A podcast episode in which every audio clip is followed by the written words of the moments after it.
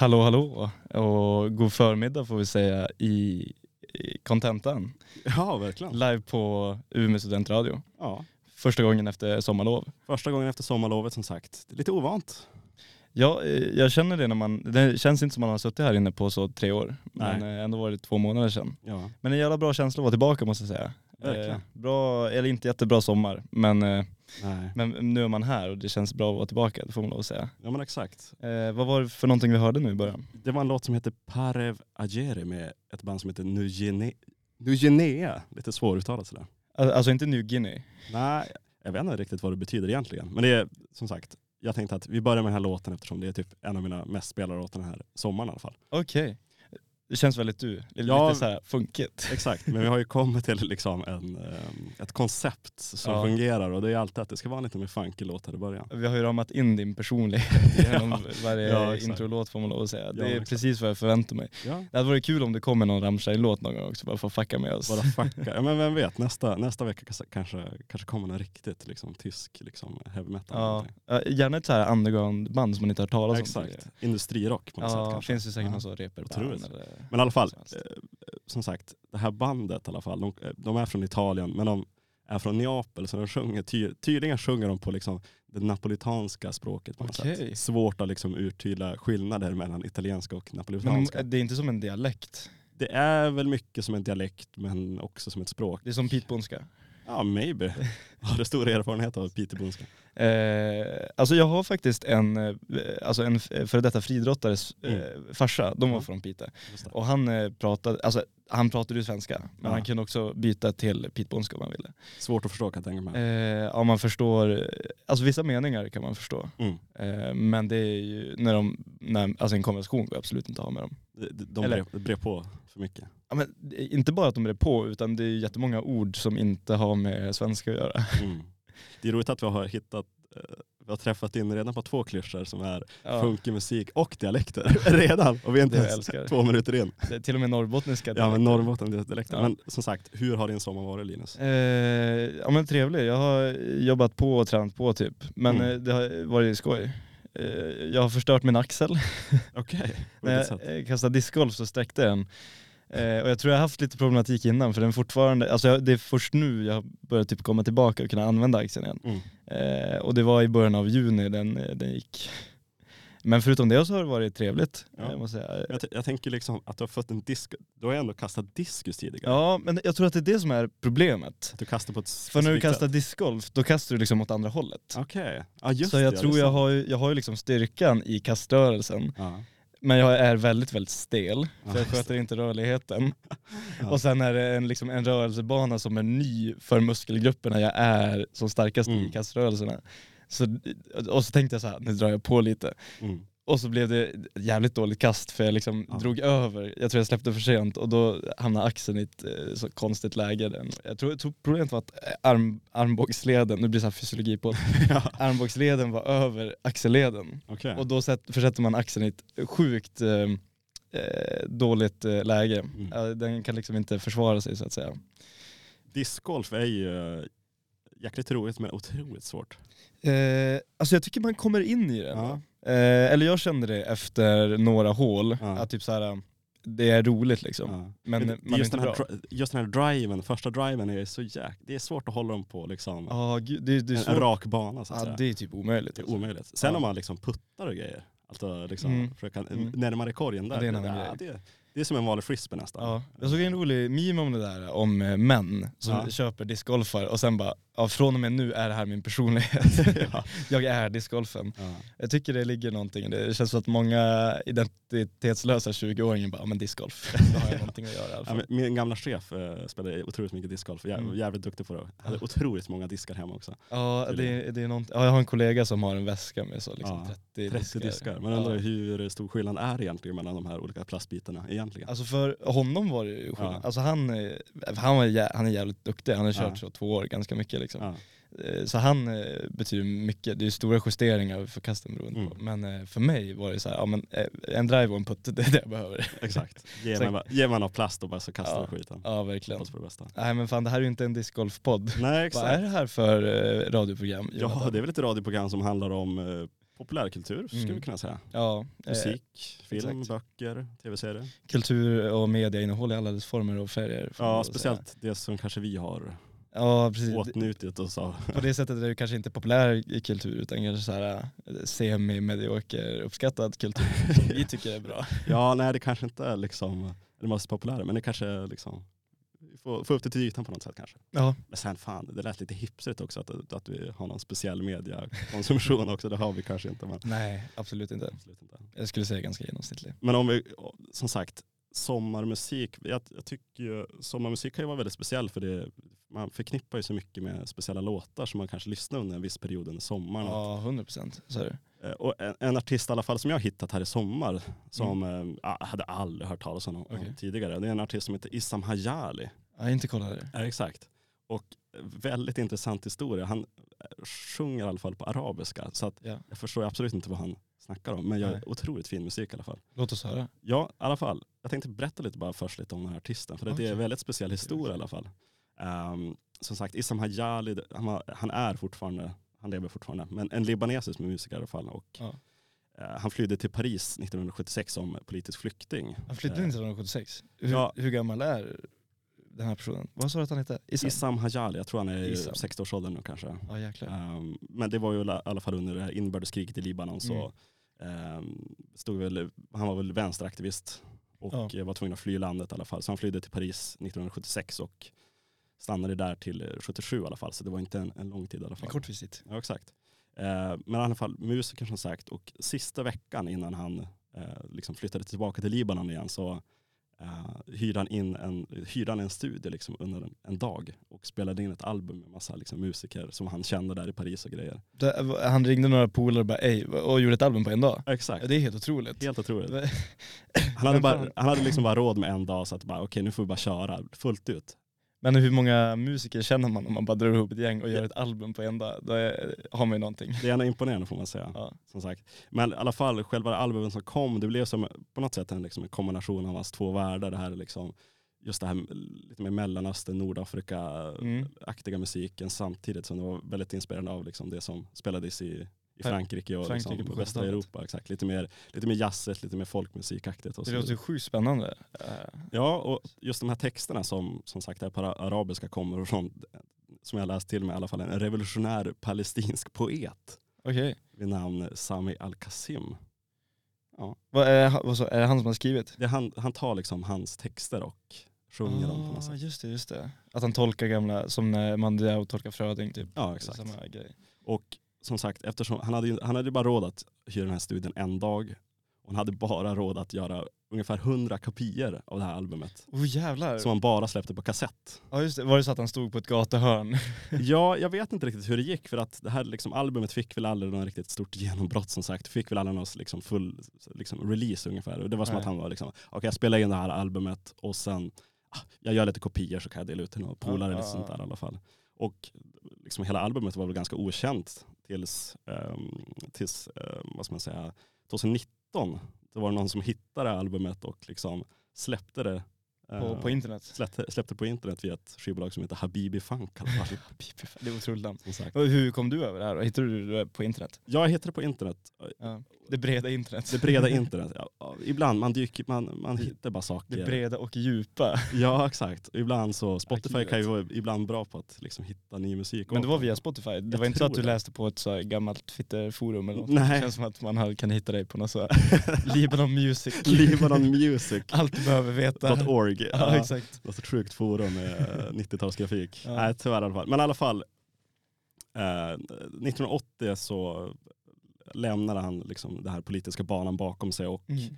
tog tydligen en master i filosofi och nu för tiden så äger han en smyckesbutik i Beirut. Och, Men han åkte tillbaka till Libanon efter 77? ja exakt, som sagt jag har dålig koll på liksom det libanesiska inbördeskriget Ja, men det kanske, kanske var slut då eller någonting sånt där. Ja, jag så vet inte. Nej, jag har dålig koll.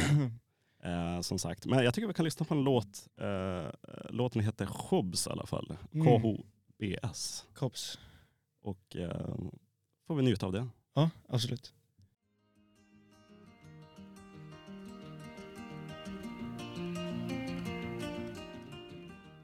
Det var Khobs med Issam Hayali. Khubs. Vad tyckte du om låten? Eh, jättefin. Jag tycker om gitarrspelet. Ja. Eh, det, det är akustiskt trevligt, Mm. mysigt. Och eh, känsla i rösten liksom. Sen förstår man ju inte texten men det är en väldigt trevlig känsla. Ja, på något sätt blir det väldigt Arabiska kan kännas ganska liksom musikaliskt och poetiskt på något Ja. sätt som man, som sagt, Absolut. rent liksom melodimässigt på något sätt. Ja, men det blir som en bra rytm i det. Ja, verkligen. Hops. Hobbs. Eh, och det var, nu hittar vi inte vad just det ordet betyder, men det handlar om eh, liksom eh, enkelt liv i Palestina. Vad sa? Far, farmerliv? Ja, jag tror om jag läst vidare på det och liksom så här, same old story, same old song och ja. Det är väl någon slags, ehm, som sagt någon dikt Ja precis. om, om livet i Palestina. Ja, ja, Verkligen ja. det. Men som sagt, det är lite tråkigt det här med att man inte förstår. Det finns så mycket, det, eller det gäller det så här, det finns så mycket kultur, alltså både liksom Mm. böcker och musik som, Som man inte kan uppleva. som man inte kan uppleva. Vare sig om det är liksom tysk, eh, tyska böcker eller om det är liksom franska eller vad fan som helst. Ja, man hade velat kunna alltså typ så här, franska, spanska, eh, mandarin och arabiska. Ja, Då kommer man ju runt hela världen. Ja, då kommer man runt hela Ja, världen. exakt. Exakt. Och så bara lära sig lite dialekter. Ja. Har, du, har du försökt eh, lära dig något? Ja, det är klart. Men jag får infall minst en gång per år. Jag tänker nu portugisiska eller ryska eller eh, spanska. Mm. Eh, och så laddade jag ner Duolingo. Och så är jag jävligt duktig i fyra, fem dagar Ja. ungefär. Eh, och sen så ser de här notiserna av den här gröna ugglan. jag bara, Som mobbar en verkligen. Ja, det är verkligen hotelser. Eh, och jag känner så här, fuck off, jag vill inte ha med det att göra. Nej, Eh, och sen är jag från och till i två veckor och sen skiter det sig. just det. Ja, det är min rutin. Ja. Läste du något på gymnasiet eller sånt där? Ja, jag läste, men jag var ju så jävla, alltså jag läste spanska på högstadiet och sen var jag så jävla pantad så jag, bara, men jag läste tyska 1 på gymnasiet för jag Mm. pallade inte bry mig om språk. Ja. Eh, Vilket var skitdumt för jag lärde mig ingen tyska för att tyska 1 och jag läste ett år. Nej. Eh, och jag kommer inte ihåg någon spanska för högstadiet. Nej. Så jag, jag kan säga så, hola, mi amo Linus, mi gusta la musica pop.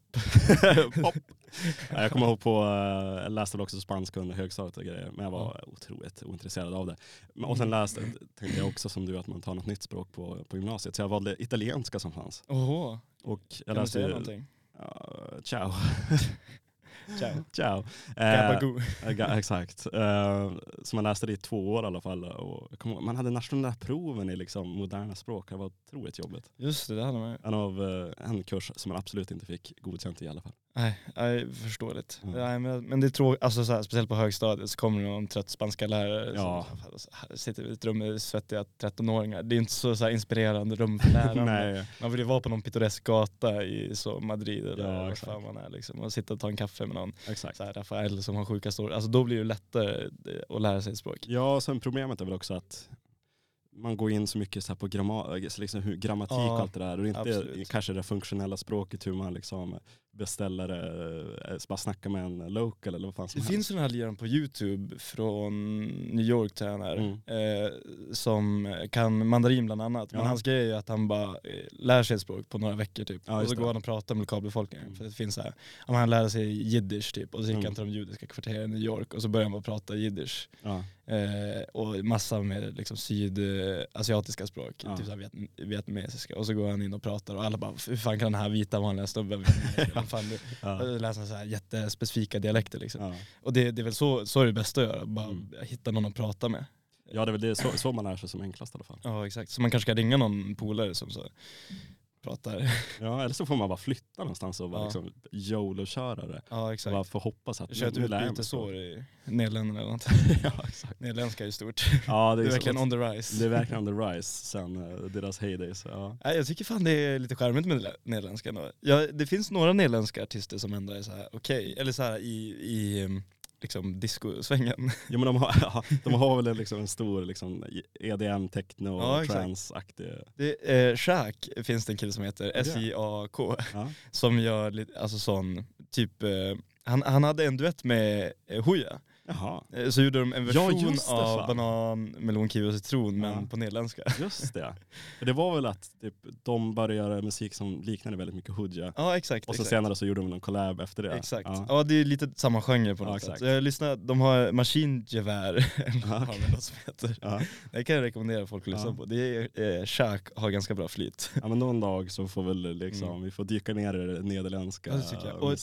Eh, Dakteras också, det är det sista jag ska säga om Ja. Klassisk eh, dansmusik. Ja. Eh, men dakteras, eh, alltså dakt terrass. Det är takterrass på nederländska. Okej, ja. Eh, och det var någon så här, jag, jag undrar om det var studenter eller bara några ungdomar som, bara, eh, vi, som gjorde en låt själva. De bara, Mm. ja men vi pratade något på datorn typ. Ja. Eh, vad är nice? Ja men det är skönt att stå på en takterrass och hänga pool och lyssna på musik typ. ja. och, och så sjunger de bara dakterrass om och om igen typ och så lite verser. Och den har eh, inte slått igenom i Umeå men det, många, det finns nederlänningar som lyssnar på den i Umeå och så har den spridit sig till ett community bland annat på SLU. Jaha. Eh, så jag... Är det många nederländare i Umeå eller? Så eh, utbytesstudenter och sådär, Ja, bara? men det är inte många, Nej, men de finns. de finns. Ja, absolut. Jag, jag, jag, känner till tre. Den nederländska diasporan i Umeå. Exakt. Den är stor. Ny, ny dokumentär. ja, exakt, verkligen. Det hade varit väldigt intressant i alla fall. Ja, faktiskt. Eh, men eh, på tal om det här med språk, Mm. Så kan ju Gunvald Larsson faktiskt viet vietnamesiska, visste du det? Nej, det visste jag faktiskt inte. Det fick jag lära mig igår. Ja. För jag har, jag har hittat en ny besatthet de senaste två, tre veckorna någonting. Ungefär två veckorna. ja. Eh, så jag, jag räknar på det nu i morse, jag har sett, eh, jag har sett 18 Beck-filmer Fy fan vad mycket de växter. senaste eh, två veckorna Ja. ungefär. Eh, så det är, det är 27 timmar av. Beck-film. Eh, och, och jag brukar säga att jag, här, jag inte kan kolla på serier Nej.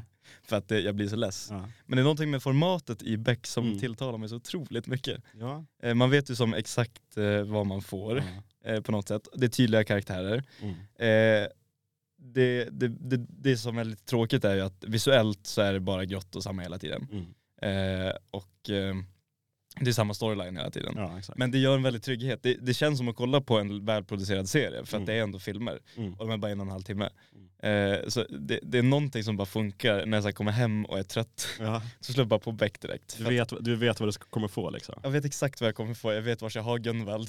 Ja, jag vet vars jag har Martin Beck. Ja. Eh, och obducenterna och Oberg, alltså chefen. Och sen är det kul för att eh, jag har ju bara sett dem med Mikael Persbrandt i rollen som Gunvald. Just det. Eh, och, och så plus eh, Mannen på taket av Bo Widerberg som är den äldsta Beck-filmen. Just det. Från typ 77 eller någonting. Mm.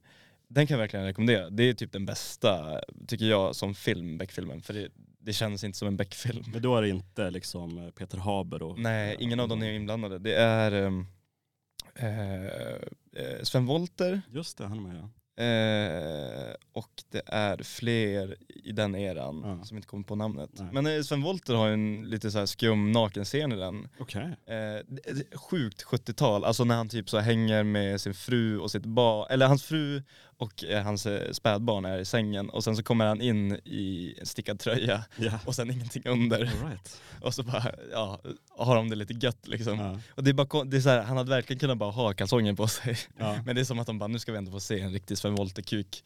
den, den är liksom otrimmad och har inte sett dagens ljus. på- 70-tal i alla fall. Ja men det, det ser ut som att den, eh, alltså hans könsorgan inte har sett ljus på så sju år liksom. Så det- Woodstock eh, Ja så inåt helvete Woodstock-penis. Det är en grotesk scen. Eh, men det var inte det jag tänk, tänkte prata om. Men det, den, den filmen är alltså, mer av en film så att Just säga. det. Att kolla på Beck, det känns inte som att kolla på film. Det är långa serieavsnitt på Ja, sätt. ja men det är verkligen, ja men du, det är gjort för tv. Ja. Så det är klassisk tv-film liksom. Det känns som att man saknar de här radio, eller eh, reklampauserna. ja men det är väl ungefär samma med alla de här äh, brittiska deckarna. Så Ja. Morden i Midsommar är väl samma, att de är en och en Mm. halv timme och sen Mm, mm, mm. är det lite samma storyline och sen Ja lite mysigt sådär. Jag tycker att det är lite bättre att kolla på någon som bara eh, ser det med så sju säsonger. För att det är, eftersom det filmer är ändå lite högre produktionsvärde. Mm. Så det. Eh, det är sjukt styltigt skådespel. Eh, eller alltså, det är teater liksom. Mm. Speciellt med Mikael Persbrandt. Alltså han, man älskar ju hela Mikael Persbrandt. Mm. Men det är ju inte naturtroget. Utan det känns som att mm, alltså Gunvald Larsson, för de som inte är insatta i Beck så är ja, Martin Beck som spelas av eh, Peter, ha Peter Haber. Ja. Eh, han är poliskommissarie i Stockholms centrum. Eh, är mord, vad säger man, mordroten. Eller, Ja, exakt. De, när det kommer in ett mord då är det deras grupp som får jobba. Liksom. Eh, och sen hans medarbetare, kollega Gunvald Larsson som spelas av, Gunvald, eh, Gunvald, av Mikael Persbrandt. Mm. Eh, som är den liksom, hårda, råa bad cop. Liksom, Exakt. Good som, cop, bad cop. Ja, så inåt helvete. Eh, och Gunvald gör all, han går alltid över linjerna för vad man får göra som polis, men så får han alltid resultat så Beck kan aldrig avskeda honom. De tycker om varandra och jobbar varandra i 15 år. Liksom. Ehm, Men det känns ju som att han är, står på eh, Dramaten i Mm. Stockholm och ska se till att alla i rummet hör och han Mm. ska se allvarlig ut. Ja. Men eh, jag tror aldrig det har funnits en riktig polis som har agerat så, som Gunnar Larsson. Ja, jag får fan hoppas det i alla fall. Eller alltså, jag kan tänka mig att det, är någon, det finns många i den Ja. världen som går igång på att vara lite underground. Men jag tror ingen som snackar som han gör. Det, blir, det är ju intressant att veta om, ungefär som, eh, vad ska man säga, maffian kollade mycket på Gudfadern och fick mycket inspiration därifrån. Undrar om Ja. hur många poliser som har kollat på Beck och fått liksom, inspiration därifrån. Men att det finns kanske en kultur, att man tar uttryck från Beck och liksom beter Ja. sig. Det hade, det hade varit intressant att höra. det, kanske, ja, det, det, finns säkert någonting i det faktiskt. Det, det måste finnas i alla fall grupper, alltså Ja. någonstans i landet. Alltså så här, kanske inte Umeåpolisen, men någon polis i någon ort. De kör bara på... Jag vill liksom, inte Beck- möta den personen som sitter och härmar Gunvald Larsson. Det är inte Nej. en pol- polis man vill möta liksom. Nej det är det fan inte. Vad är knipa med? Nej, förlåt för fan. eh, nej men så jag har grottat in mig i den och jag försöker liksom eh, bryta ner då den här strukturen som de har. Mm. Och det är, så här, det är inte jätteintressant för det är, en, det är en klassisk mordfilm. Det börjar med ett mord, Mm. man får se vad som händer. Eh, så att oftast vet tittaren vem mördaren är men inte dem. Eller Mm. tvärtom att man ser hur mordet eh, går till men man ser inte vem som är gärningsmannen. Just det. Eh, och så får de ett eh, larm och så är Peter Haber trött och så går de och kollar på liket och bara "Åh, fy fan. Ja. Och sen så ser Gunvald Larsson och säger ja för fan. Och sen så går de till obducenten. Obducenten tycker jag är ett av de bättre återkommande inslagen. Okej. Eh, I de äldre, alltså mellan typ 97, eller undrar om han är, han är nog med från början. Eh, Oljelund heter eh, obducenten. Han, han spelar samma skådespelare fram till 2009. Mm. De här filmerna började typ 95 eller någonting, Mm. jag kan inte säga säkert. Jag kollar mest mellan 97 och 2007. Mm. Eh, och det, det är samma skådespelare och han, han, han är bara otroligt less varje gång. Jag bara, fan varför kommer ni med så många lik? Vad vill ni veta liksom? Vad, fan är det här? Vad har den här personen gjort typ? Eh, och så är det, ja, eh, är det någon sperma? Nej jag vet inte än, kanske. Men han har blivit, eller hon har blivit ihjälslagen i nacken liksom. Ja. Fan vad tråkigt, fan gör man det här för? eh, hela tiden. Och sen så är det typ en halvtimme, nej inte en, 20 minuter, när de inte kommer någonstans. Så bara, fan vi vi hittar ingen identitet, fan vad jobbigt det är. Mm. Allt är åt helvete. De pratar med chefen, Oberg heter hon. Mm. Eh, och hon är så här, men, eh, och, och, och hon, eh, hon är så här lite äldre, hon har mycket stamina. Så jag bara, "Men fan, vad fan håller du på med Martin? Du kan inte hålla på så här. Skit ner det typ. Eh, och sen så kommer lösningar från ingenstans. Bara, ah, nu har vi den här identiteten. Åh kolla, det var blodspår här. Shit vad nice. eh, och sen så är Peter, eh, ja, eller Martin då, Ja. Eh, han är trött, han bara fan jag har inte sovit på flera dagar. Han träffar sin dotter Inger, de äter middag med varandra. Han går hem, det börjar ta sig, Gunvald är arg. Han möter grannen Just det. som är så ska du ha en stänkare. Ja. Eh, och så sen så kommer det en, en upplösning i slutet, det är sjuka actiongrejer, alltid någon som blir skjuten, förmodligen dör någon och det är lite tråkigt och sen Ja. såklart. Men man gillar ju det och så är det variationer på det hela tiden. Och så, Ja. så här, oh nu var det, jaha nu var det mord i tunnelbanan. Just det. Spännande. Det är lite olika liksom, mordsätt och olika...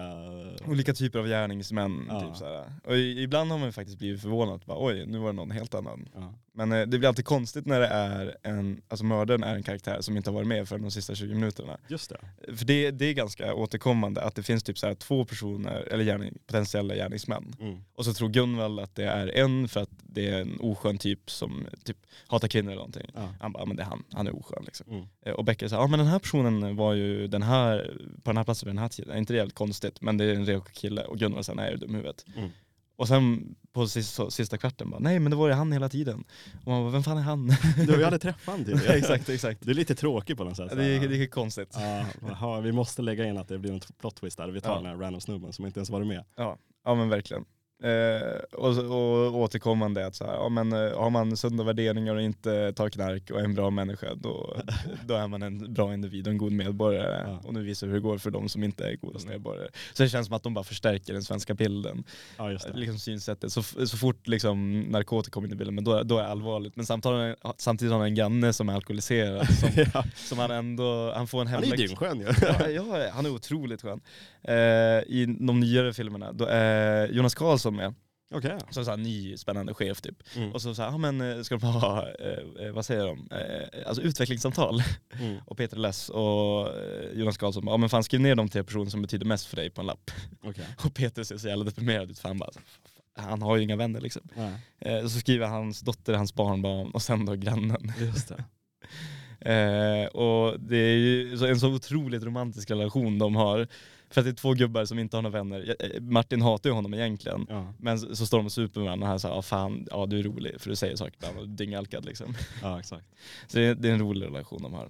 Men av de här eh, filmerna som du sett, är det någon, eh, Jag någon favorit? jag har skrivit ner fyra stycken. Ja det har du? Okej. Eh, men fyra stycken är lite många. Så om jag skulle rekommendera någon, alltså det finns en som heter Den japanska shungamålningen. Okej. Och Den tycker jag är kul för att det är lite en annan, alltså det är typ så här en mörk konstvärld och det är lite Tyskland. Mm, så här, den, är, den är lite varierad. Typ, det är inte så här, ja hon har blivit våldtagen, mördad Mm. och det är någon oskön snubbe liksom. Så den tycker jag är bra. Eh, också från typ 2007, jag tycker det är en bra era för Beck. All right. All right. Eh, och sen Hämndens pris, den är från 2002 så den är lite äldre. Eh, Mikael Persbrandt är sjukt snygg i den. Mm. Eh, och sen är eh, det är ett, poli- ett dubbelpolismord. Okej. Eh, så då är alla poliser så förnärmade liksom. Men det är en Mm. bra skådespelare den faktiskt, den eh, tycker jag är okej. Och sen eh, Spår i mörker är bra för att eh, det är tunnelbanan. Just det. Och så är det, jävla- det är bara sjuk story. Eh, ja, det är en så här eh, ungdomsnätverk som lever i tunnelbanorna typ. Mm. Den är lite obehaglig. Men eh, de tre skulle jag säga. Eh, japanska shungamålningen, Hämndens pris och Spår i mörker. Jag har inte sett så många Beck-filmer faktiskt, men jag har sett otroligt många compilations på YouTube av Gunvald Larsson som sagt. Ja och det gillar man ju. Det gillar man ju. Han har ju många bra one-liners så att säga. Ja det har Bra han. att sätta dit folk. Ja verkligen. Ja, han är ju ikon. Man tycker, man tycker om tanken på Gunnar Larsson. Ja exakt, han är ett svin men det finns något älskvärt i honom också. Ja verkligen. Mm. Eh, ja. Men eh, det är nog det jag har att säga om Beck. Jag tycker att fler ska börja kolla på Beck. Ja, finns, allt finns väl på More va? Eh, TV4. Ja just det, heter det nu för tiden. Jajamän. Ska vi köra en liten låt på det kanske? Eh, ja det tycker jag. Och då kan vi ta någonting på eh, krimtema. Ja. Eh, Jag såg ju den eh, American Made med Tom Cruise. Mm. Eh, En så vanlig everyday pilot i inlandet i USA och sen eh, så kommer en FBI-snubbe och vill smuggla kokain från Medin-kartellen hit. Mm. Sjukt bra film. Mm. Eh, och, och så tänk att ni sitter i ett flygplan på så 80-talet, har coola bilder, ni är lika snygg som Tom Cruise, svettig för att ni har varit i, i fucking Mexiko. Ja. Det bara rinner svett och så två, eller inte ton, kanske vad kan- 500 kilo kokain i ett sånt, du vet litet plan som kan landa på vatten. Exakt. Och så flyger jag över gränsen och spelar den här låten. Det är bilden. Då ska vi höra på, då ska vi höra i alla fall på Black Widow Blues med Towns Van Sant.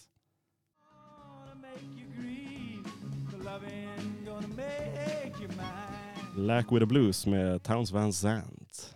Eh, ja men precis, vad, vad tycker du? Ja men det var ju verkligen, eh, man, man levde sig in i det, det du sa, att man sitter på ett flygplan och cruisar över Atlanten eller någonting. Det är jävla känsla. Jävla känsla i alla fall. Alltså det är fruktansvärt eh, olagligt. Och, Ja, fruktansvärt olagligt är det faktiskt. Eh, det, alltså både fruktansvärt olagligt och fruktansvärt. Ja. Vad säger. B- Båda är är dåligt med narkotika och så vidare. Men eh, så. det är en fin eh, film, eller eh, bild. Ja exakt. Van Sant, är inte det han som eh, spelar gitarr i eh, E Street Band, alltså Bruce Springsteens band, och som även var med i Sopranos? Eh, var han med i Sopranos? Ja, han med, jag kommer inte ihåg exakt vad han heter, men han med liksom ganska Eh, var det, alltså, var det, det var inte han från Italien? Eh, Med hästsvans? Nej. Nej, nej, nej, inte, Nej, nej, inte nej. Furio. Men en annan namn i alla fall. Men han har tydligen så, han har ju spelat med Bruce Springsteen en lång tid. Men sen vill han väl skådespela och bli, Okej, ja, jag har ingen aning. Du, du kan nog gitarrister bättre än vad jag kan. ja, kanske. Va- Van Sant? Ja, jag tror han heter Steve Van Sant. Ja just det. Och det här bandet hette? Eller jag tror han hette väl, eh, vad var det du sa nu? Towns Van Sant. Och jag vet inte om snubben heter Towns Van Sant eller om det är bandet som heter Van, Towns Van Sant. Men de kanske, det här är väl kanske ett nytt band som bara oh, Van Sant är coolt, men vi måste heta något annat. Town, ja bra. mäktigt ja, i alla fall. Ja exakt. Eh, en annan sak som jag har eh, njutit av er sommar i alla fall. Man har ju läst någon bok i alla fall. Jag är inte jätte, jättebra på att läsa böcker. Men du, är- jag tycker du har ett alltså, stadigt intag av, av böcker. Alltså liksom ett konstant eh, konsumerande i lagom tempo. Ja, det tar ju lång tid att läsa en bok. Jag, jag, jag är inte en sån person som kanske läser, sträckläser en bok. Nej, Utan jag kanske läser, läser tio minuter när jag går och lägger mig och sen tar jag en bok i ganska lång tid i så fall. jag tror vi är lite liksom, mitt emot varandra i spektrat. Mm. Jag när jag läser en bok, då läser jag den på några dagar. Ja. Men sen så går det ett tag Ja. innan jag läser nästa bok. Just det, just det. Men i alla fall en, en bok som jag läst här i sommar i alla fall, det är en bok som heter Mina ryska vänner av Johanna Melén i alla fall. Du pratade ju om det här, det låter Ja. väldigt spännande. Ja, Johanna Melén som sagt, eh, tidigare utrikeskorre på, eh, på SR, Mm. stationerad i Ryssland i alla fall. Ja. Och eh, är väl nu bara liksom utrikesreporter. Eller något. Under vilken period var hon stationerad i Ryssland? Eh, jag vet faktiskt inte. Nej, men inte liksom nu under Ukraina-kriget. jag tror hon slutade precis eh, här vid avbrottet, tror jag. Ja.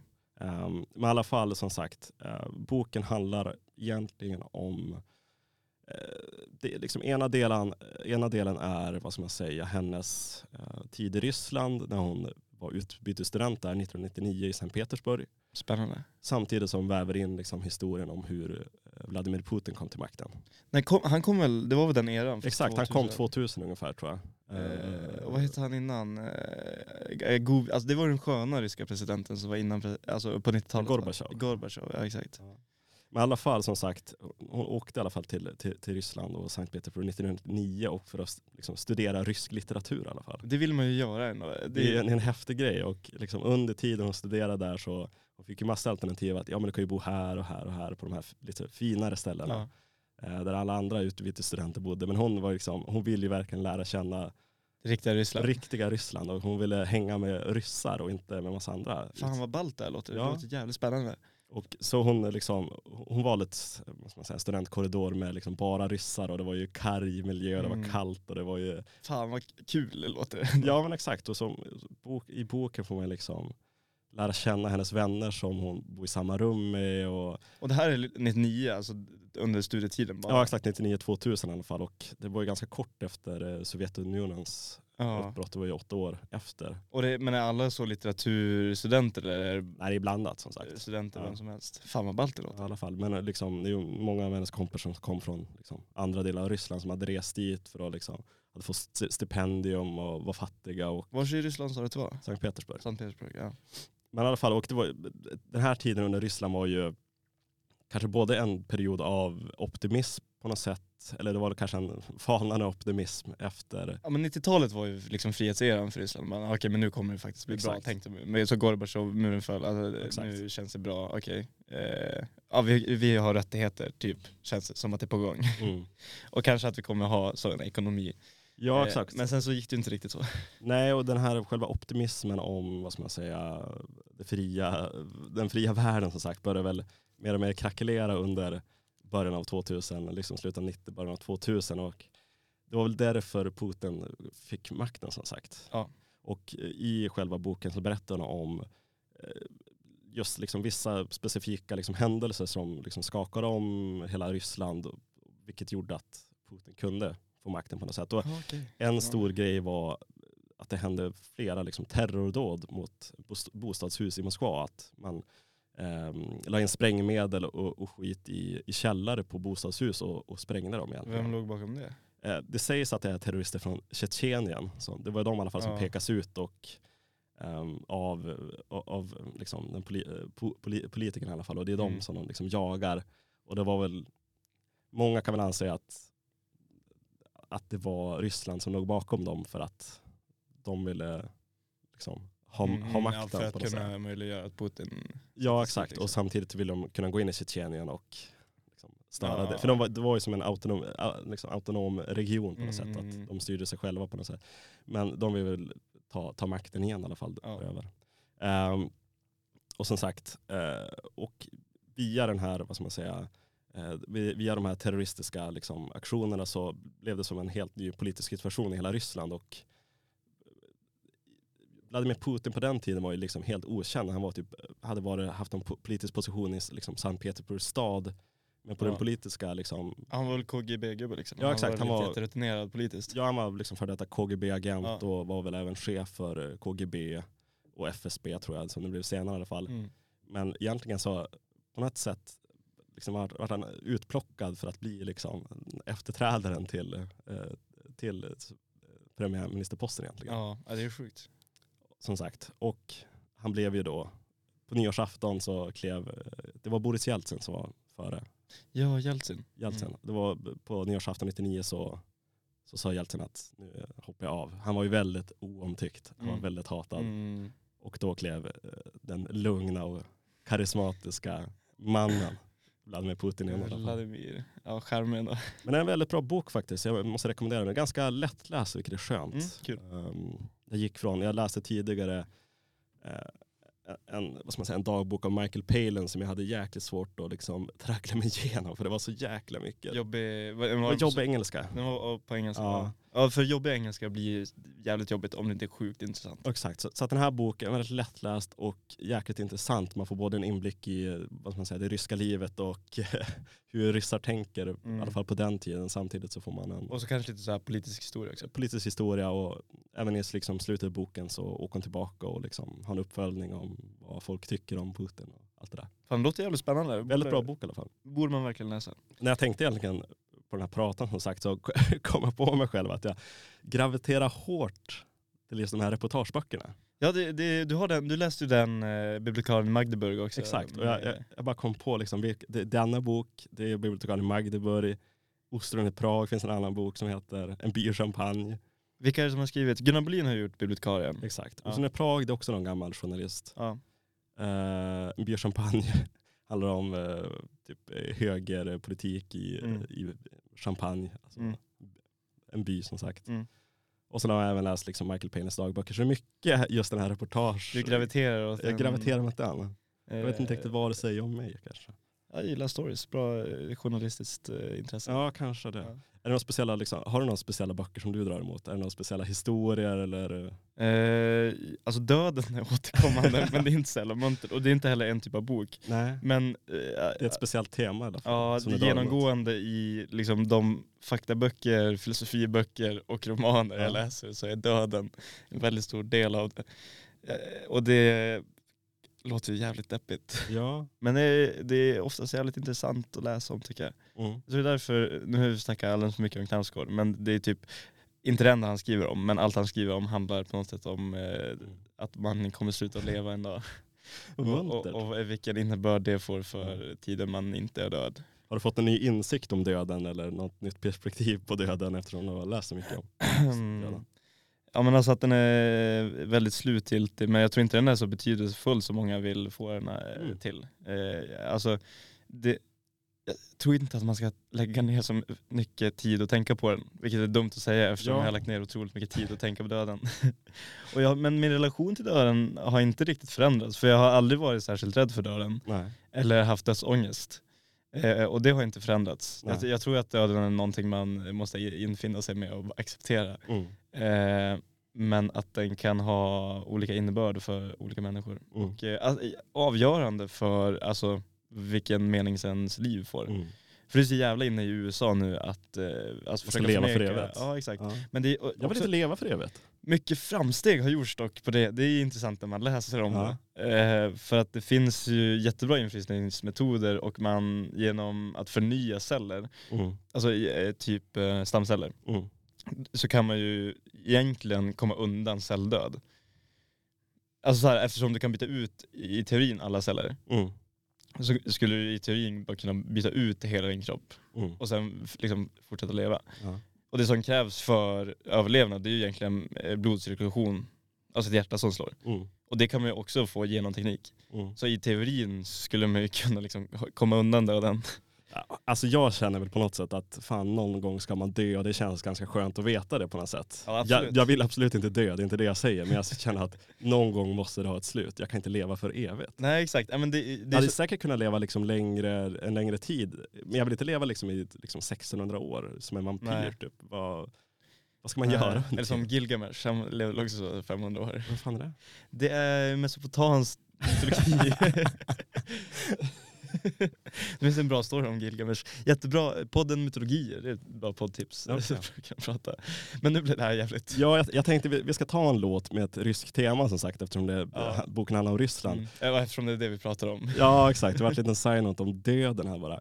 Ja. Eh, en låt som är liksom ganska känd från Ryssland är ett, liksom, en låt som heter All the things you said med Tattoo som jag tänkte vi ska spela. Mm. Jag varit lite intresserad av vad som hände med Tattoo. För det var ju, ett, liksom, det var ju ganska, slog igenom ganska hårt där under tidigt 2000 i alla fall. Mm. Jag var tvungen att söka lite på Tattoo och Putin.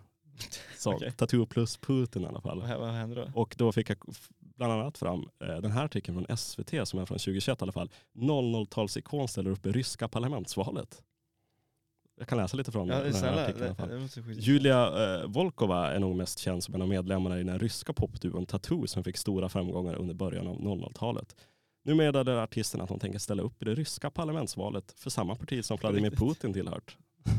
Vad i helvete? Och eh, jag kan läsa vidare också. Den här ryska popduon Tattoo fick stor uppmärksamhet under det tidiga 00-talet med låten All the things you said. I tillhörande musikvideo från 2002 kan man bland annat se de två kvinnliga medlemmarna kyssas. Någonting som skapade rubrik i hemlandet och duon blev snabbt klassade som hbtq-ikoner. Det där på... Nu får jag avbryta lite. Mm.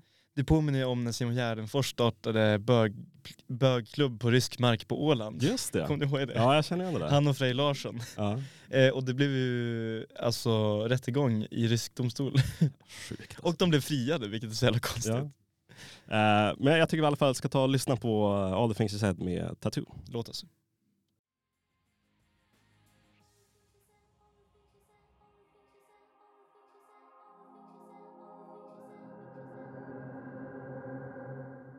All the things you said med Tattoo. Ja precis, jättebra låt som man, jag har absolut man har hört den tidigare, men vi, jag sa det lite här i, när vi pratade under tiden, Mm. att eh, det är liksom en tidsera som jag inte riktigt kan relatera till. Jag är lite för ung. Eh, Ja, det var tid- 2002, du var inte ens född då. Nej, jag, jag föddes året efter. Ja, och jag, jag sa det, min brorsa har lyssnat mycket, han är 98. Ja. Han har ändå lyssnat på den här tidiga 2000-vågen Mm, ja, när det var lite mycket indie och typ Ja. så här, eh, pop som låter sådär. ja, exakt. Eh, och jag, alltså, för, för när jag började få en musiksmak var ju Mm. långt efter. Just det. Det var ju mer i början av 2010, då var jag sju. Mm. När börjar man, kanske 10-12 man får musiksmak. Ja, exakt. Alltså det, och det var ju typ så 2012-2013. Mm. Eh, så jag har ingen relation till den här eran av popmusik. Och eh, när jag lyssnar på gamla saker, då Mm. lyssnar jag på saker från 90-talet eller äldre. Eller, eller, exakt. Överlag. Det finns såklart undantag. Ja. Eh, och det här skulle jag säga är en väldigt liksom, tidsstämpel Ja, för när den kommer ifrån. Ja. Den låter verkligen som något som är från 2002. Ja. Vilket gör att jag inte har en relation till det. Så jag har hört låten tidigare men jag har ingen relation till den. Mm. Och jag är såhär, ja det är en låt liksom. Det är intressant det där med det du sa om just när man får en musiksmak på något sätt. Ja, eller en musikalisk identitet. Ja exakt, Typ. jag kommer ihåg liksom, när jag gick på liksom, mellanstadiet och så vidare, då Mm. alla lyssnade på liksom, gammal hårdrock egentligen. Ja, Alla det, gjorde fan det. Det gjorde min brorsa också. Alltså så här, Iron Maiden, eh, Eh, Kiss och Metall, alltså alla ja, de där. Metallica. Mycket Metallica. Och jag tror det var liksom när, vad ska man säga, när Spotify kom där 2008, Ja. jag, det var ju, där i början så var man tvungen att liksom bli inbjuden till Spotify för att kunna använda det. På riktigt? Ja exakt, man var tvungen att ha liksom en kod. Invite only? Invite only. Jag kommer ihåg, min polare gav mig en kod i alla fall. Och det var, jag kände att liksom när väl Spotify började komma, det var då faktiskt min liksom, musiksmak började breddas. När man faktiskt, Naturligt. Exakt. För annars har man väl bara, vad lyssnar du på? Berätta, vad, vad började man lyssna på musik på när man var, när du började lyssna på musik? Ja, man hade, alltså jag kommer ihåg att jag snodde mycket CD-skivor från min bror i alla fall. Ja just det. Mm. Och sen, ja, fanns YouTube då? Kanske, kanske inte. YouTube kom- 2005 va? Ja, 2005. Kanske att man lyssnade lite på YouTube också. Ja det kommer jag ihåg att jag gjorde mycket. Mm. När jag, för när jag var 10, Mm. det var 2013, Mm. Bra era för youtube. Mm. Och lyssnade på, eh, eh, vad fan heter de? Tröjan du hatar, Nolo KKV, det. Timbuktu, Svenska Ja. björnstammen typ. det. Lyssnade på åt helvete. Swedish Royalty. ja exakt. Ja. Alltså som fan. På, och då satt man på datorn och kollade på musikvideorna. Det, det var ju väldigt länge sedan man kollade faktiskt på en musikvideo nu för tiden. Tråkigt nog, Ja. det är en så jävla trevlig grej. Också en, en, en grej jag kommer ihåg just med musikvideos var ju alltså, när MTV faktiskt visade musikvideos ofta. Mm. Jag kommer ihåg att jag och min bror satt väl och väntade liksom, på att någon gång skulle den här, du vet, Boomfunk MC, eh, vad fan hette den låten? Jag vet inte. Jag har inte koll, det, här- alltså jag har inte... Nej exakt, men Det är det, det, inte den här eh, Rock the microphone, eh, vad fan hette Ja, jag kommer inte ihåg Jag exakt. känner igen. Man kan inte... Ja, exakt. kan inte placera. Att man satt och väntade liksom på att den skulle komma. Jag har något svagt minne av det i alla fall. Och till slut kom den och så var det shit, ja, lyssna på den låten. Ja, jag, har fan, jag har aldrig kollat på MTV det, faktiskt, tyvärr. Nej. Men eh, Youtube kollar jag på musikvideos. Jag kommer ihåg att ehm, eh, någon Skrillex-låt har en, hade en jävligt fet, den kollade man på mycket i lågstadiet. Eh, för det var en vanlig så här, kontorsnisse, så gick ner i tunnelbanan och stod det en läskig tjej ensam på perrongen med Mm. svart långt hår och såg inte ens ansikte. Och sen kollade han upp på honom och så med hennes tankeförmåga så liksom puttade hon in honom i väggen så att hela kaklet så här Det krackelerade. kanske är den låten Scary Monster and uh, bla bla bla. Det låter bekant. Något sånt där. De skriker mycket. Ja exakt. den. ja, Alltså, ja exakt.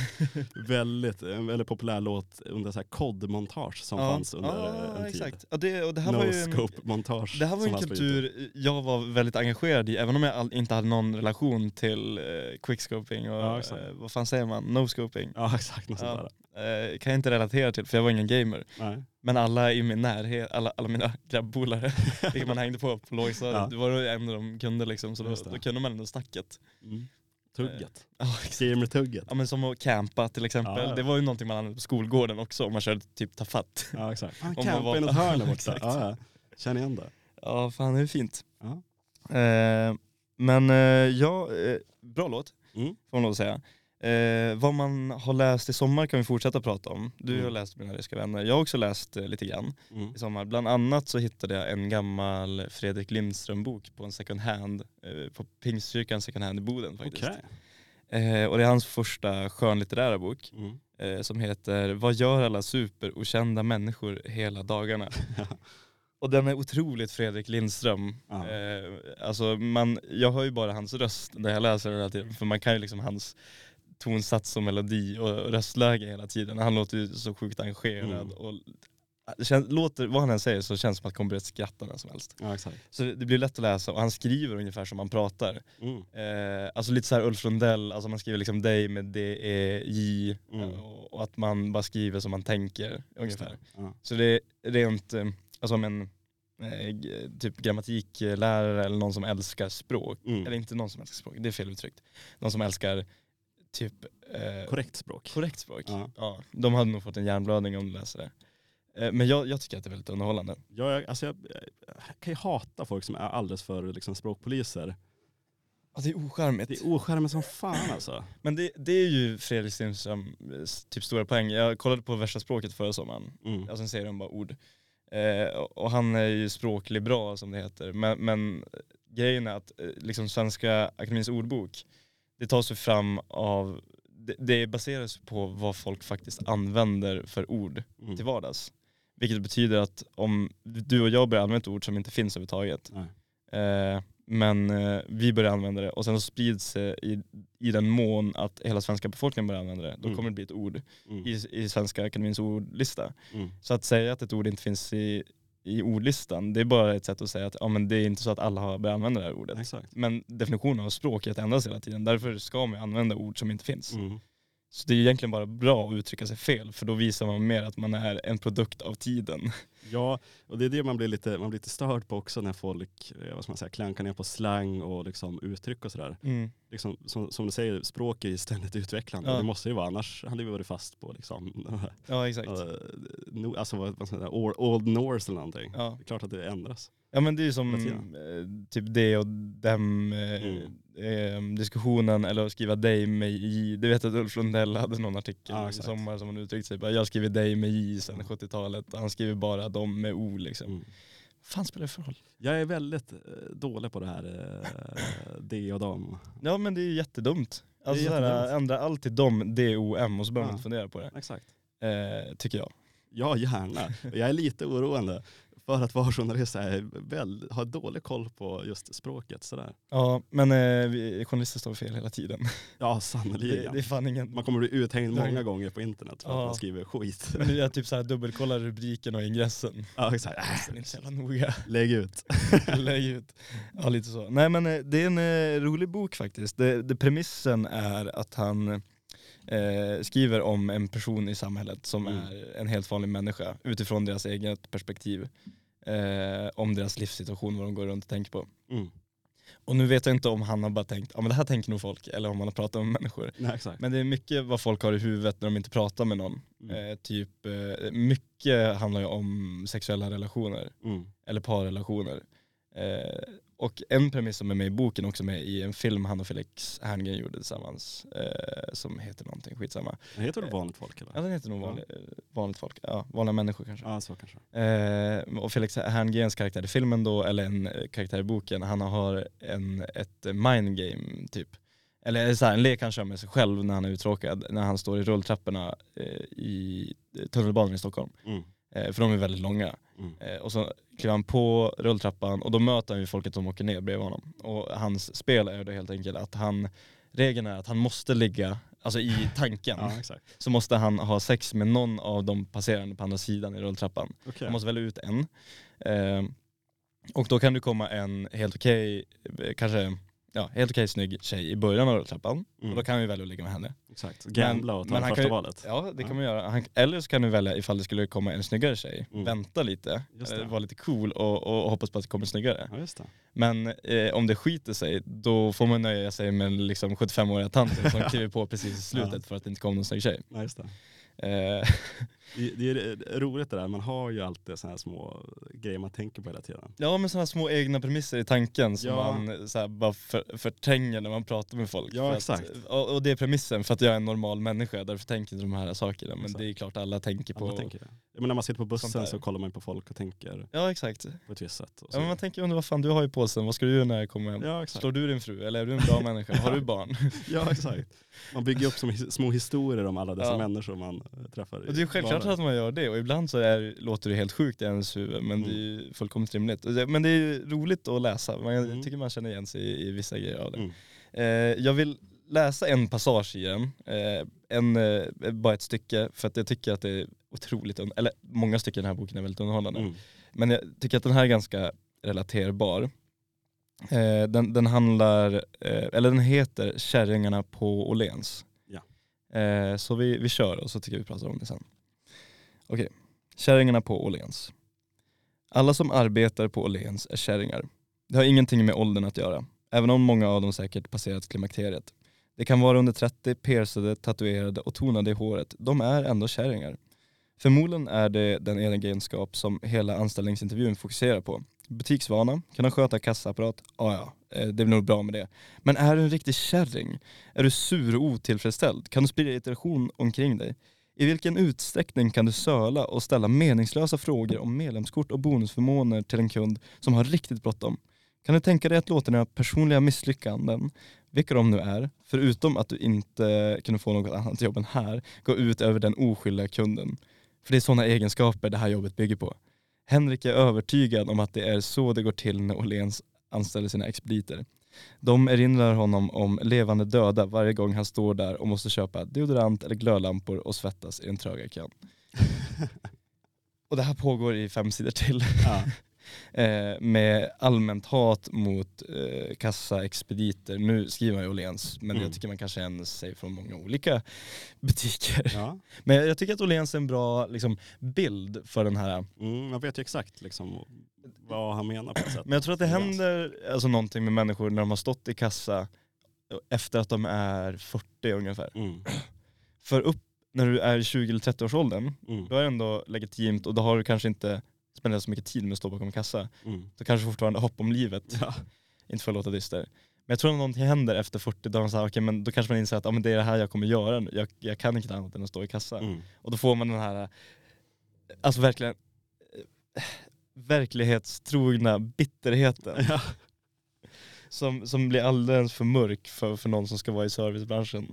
Det är lite roligt när han sa det där med att ska försöka tuta på liksom det här med bonuskort och allt det där. Ja. Det känner man igen sig. Man har, man bråttom, jag har man inte bryr tid. inte. Man bryr sig inte. Eh, Jag kan relatera, för när jag jobbar på Stadium Mm. ibland. Eh, och de, egentligen ska vi fråga om medlem, medlemskap om man ska ha på sig. Mm. Men man, ser ju också, alltså vissa vill ju bara, alltså de med kort, alltså man fattar, men du bryr dig fan inte. Nej exakt. Då är det bara skit att fråga. Ja. Men det är så jävla oskönt med eh, folk som sitter bakom kassan som inte har någon känsla överhuvudtaget och går igenom varenda jävla steg. Eller om man typ så här, har, eh, typ Clas Ohlson brukar ha, ah, nu har vi rea på batterier i kassan. ja exakt. Ska de hålla på och fråga om det. Behöver du batterier? Nej, vem fan behöver batterier Ja, för det? verkligen inte. Ingen behöver batterier. Jag hade tagit batterier om jag hade haft- batterier och jag hade Exakt. inte brytt mig om det var rea på dem eller Jag inte. vill inte ha någon jävla merförsäljning här inte. Det, det stör mig på. Någon gång också, det var nog också Clas Ohlson, så här, eh, vill du köpa plåster för om det var Röda Korset Mm. eller någonting. Alltså så här, någon intresseorganisation. Och man bara, ja, vad fan ska jag säga? Det är klart som fan. Det, annars är det som att jag pissar någon unge, i, alltså, i, i, alltså så här, rent billigt talat, Ja, att jag exakt. pissar en fattig unge i ansiktet. Det kan Ja. jag inte göra. Nej, Vad fan måste jag fråga för? Jag ville bara köpa typ tejp. exakt. Nu har jag lagt så här 35 spänn extra på ett par plåster som jag aldrig kommer använda. Det är, mm. Är, är, är du en sån person som faktiskt säger ja? När det någon frågar, vill du eh, donera 10 kronor till? Ja, ja, nej men, ja absolut. Korset? Eller Majblomman, samma sak. ja. Men jag känner mig som en fruktansvärd människa om jag inte gör det. Jag säger alltid nej. Ja, det är starkt av dig. Jag skiter i de där jävla barnen.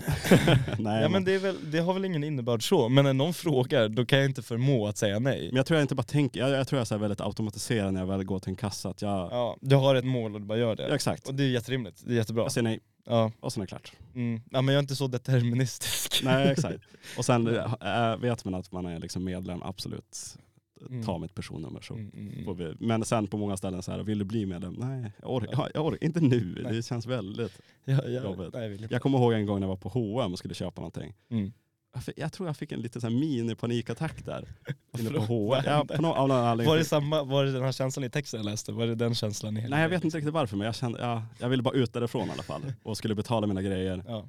Och hon i kassan sa, eh, liksom, är du medlem? Och sa nej. Och så sa hon, vill du bli det? Han, nej det är bra. Jag vill bara betala och gå ut därifrån. Så bara, ja men det är jättelätt att bli medlem. Så bara, men nej jag vill inte bli medlem, jag vill bara ut därifrån. Jag håller på att tappa det. ja, det är så jobbigt. Och man vet att de har inte heller så jävla lätt. Nej det är men, klart. men det är så jävla svårt att vara till lags. Ja exakt. Som sagt, jag var inte otrevlig, jag sa bara nej. Ja, ja men exakt. Och det är väl Det är väl det jätte- viktigaste, att man väldigt inte är otrevlig i alla fall. Ja. Ja, det kommer jag ihåg, jag hade någon, någon kund en gång, jag, jag stod och sålde skor till honom. Mm.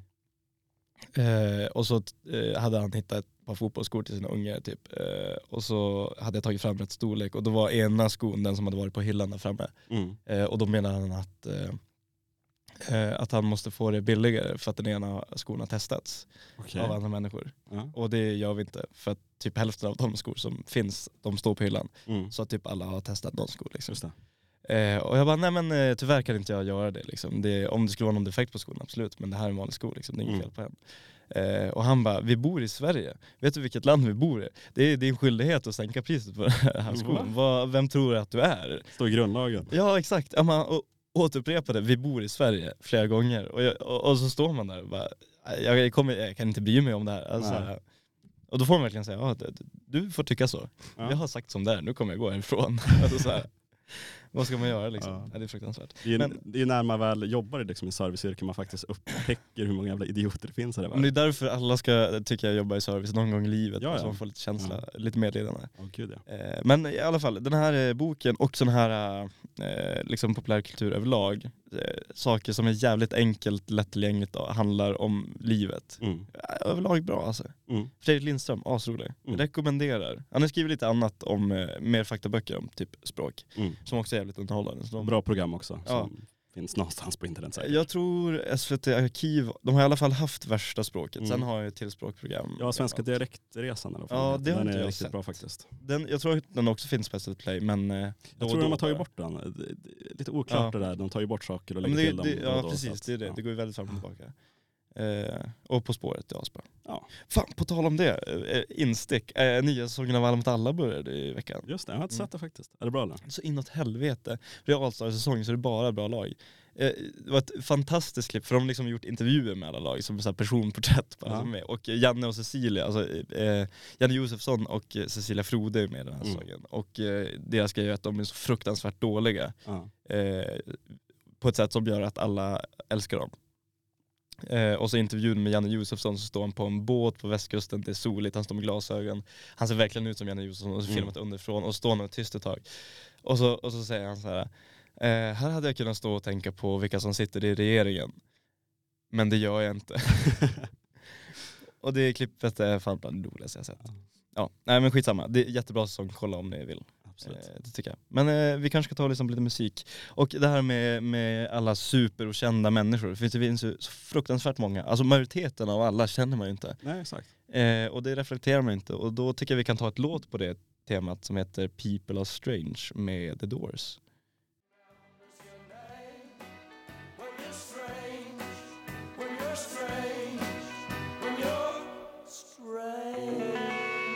People Are Strange med The Doors. Jajamän, har du hört eh, den låten tidigare? Jag, tror- ja, jag alltså jag är så dålig på The Doors. Det är just ett band som jag, den, de är ju väldigt, väldigt stora men jag har typ aldrig nästan lyssnat på The Doors. Ja, de är ju gigantiska. Alltså efter Ja. The Beatles, eh, känns som, de, det känns som att de är tvåa efter Beatles i den, i den världen liksom, på något sätt. De kanske är det. Det är samma vibe.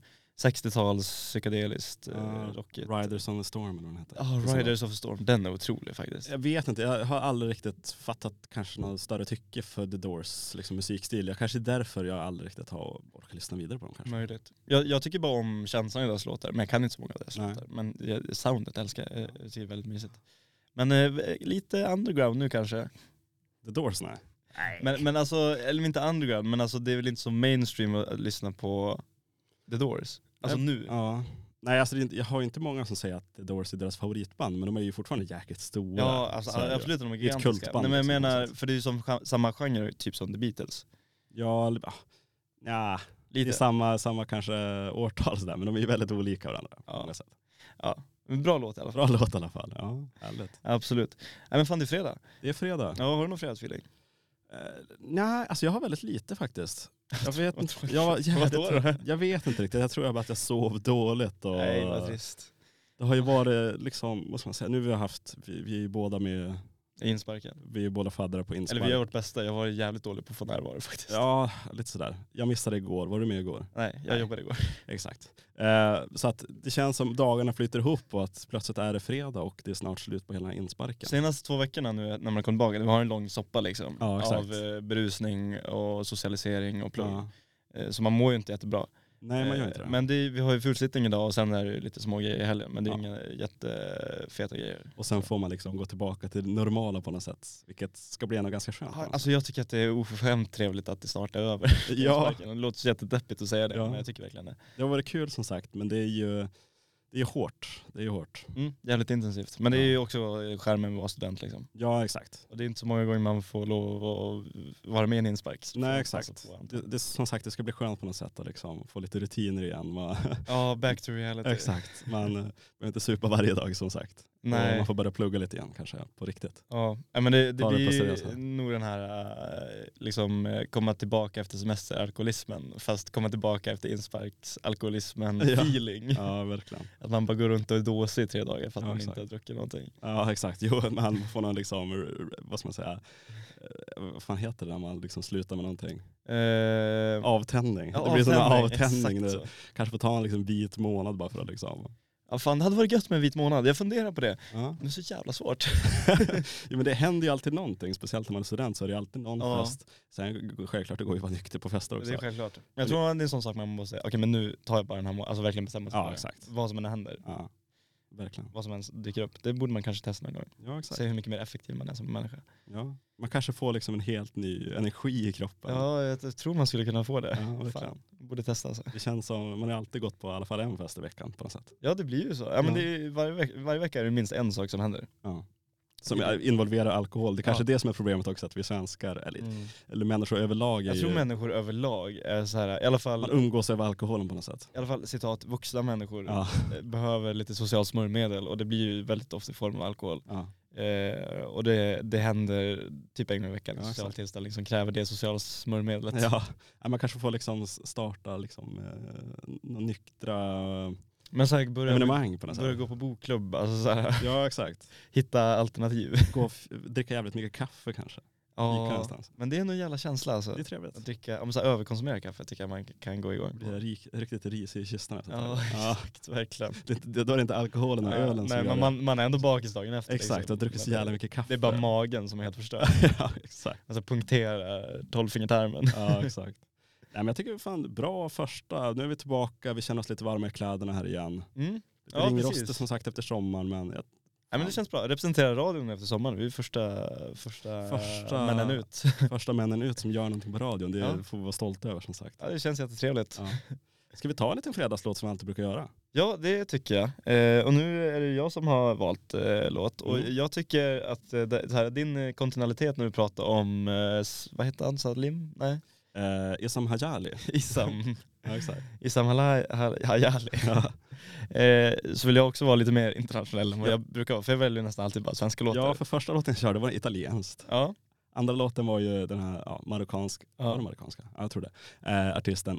Och sen var det ryskt också. I och för sig de sjöng inte på ryska men, en, Nej, men det var en det ryskt ett band. Ja. Och jag spelar nästan bara svenska, brittiska eller amerikanska band. Mm. Eh, Så nu har jag valt i och för sig en svensk artist, men på finska. Ja. Eh, Marcus Krunegård har släppt ett nytt album som heter Den heter väl Nokia och Eriksson? Nokia Eriksson och vi kör låten Nokia och Eriksson. Jajamän, så får vi tacka för den här veckan så hörs vi nästa. Ha en bra fredag. Ha det bra.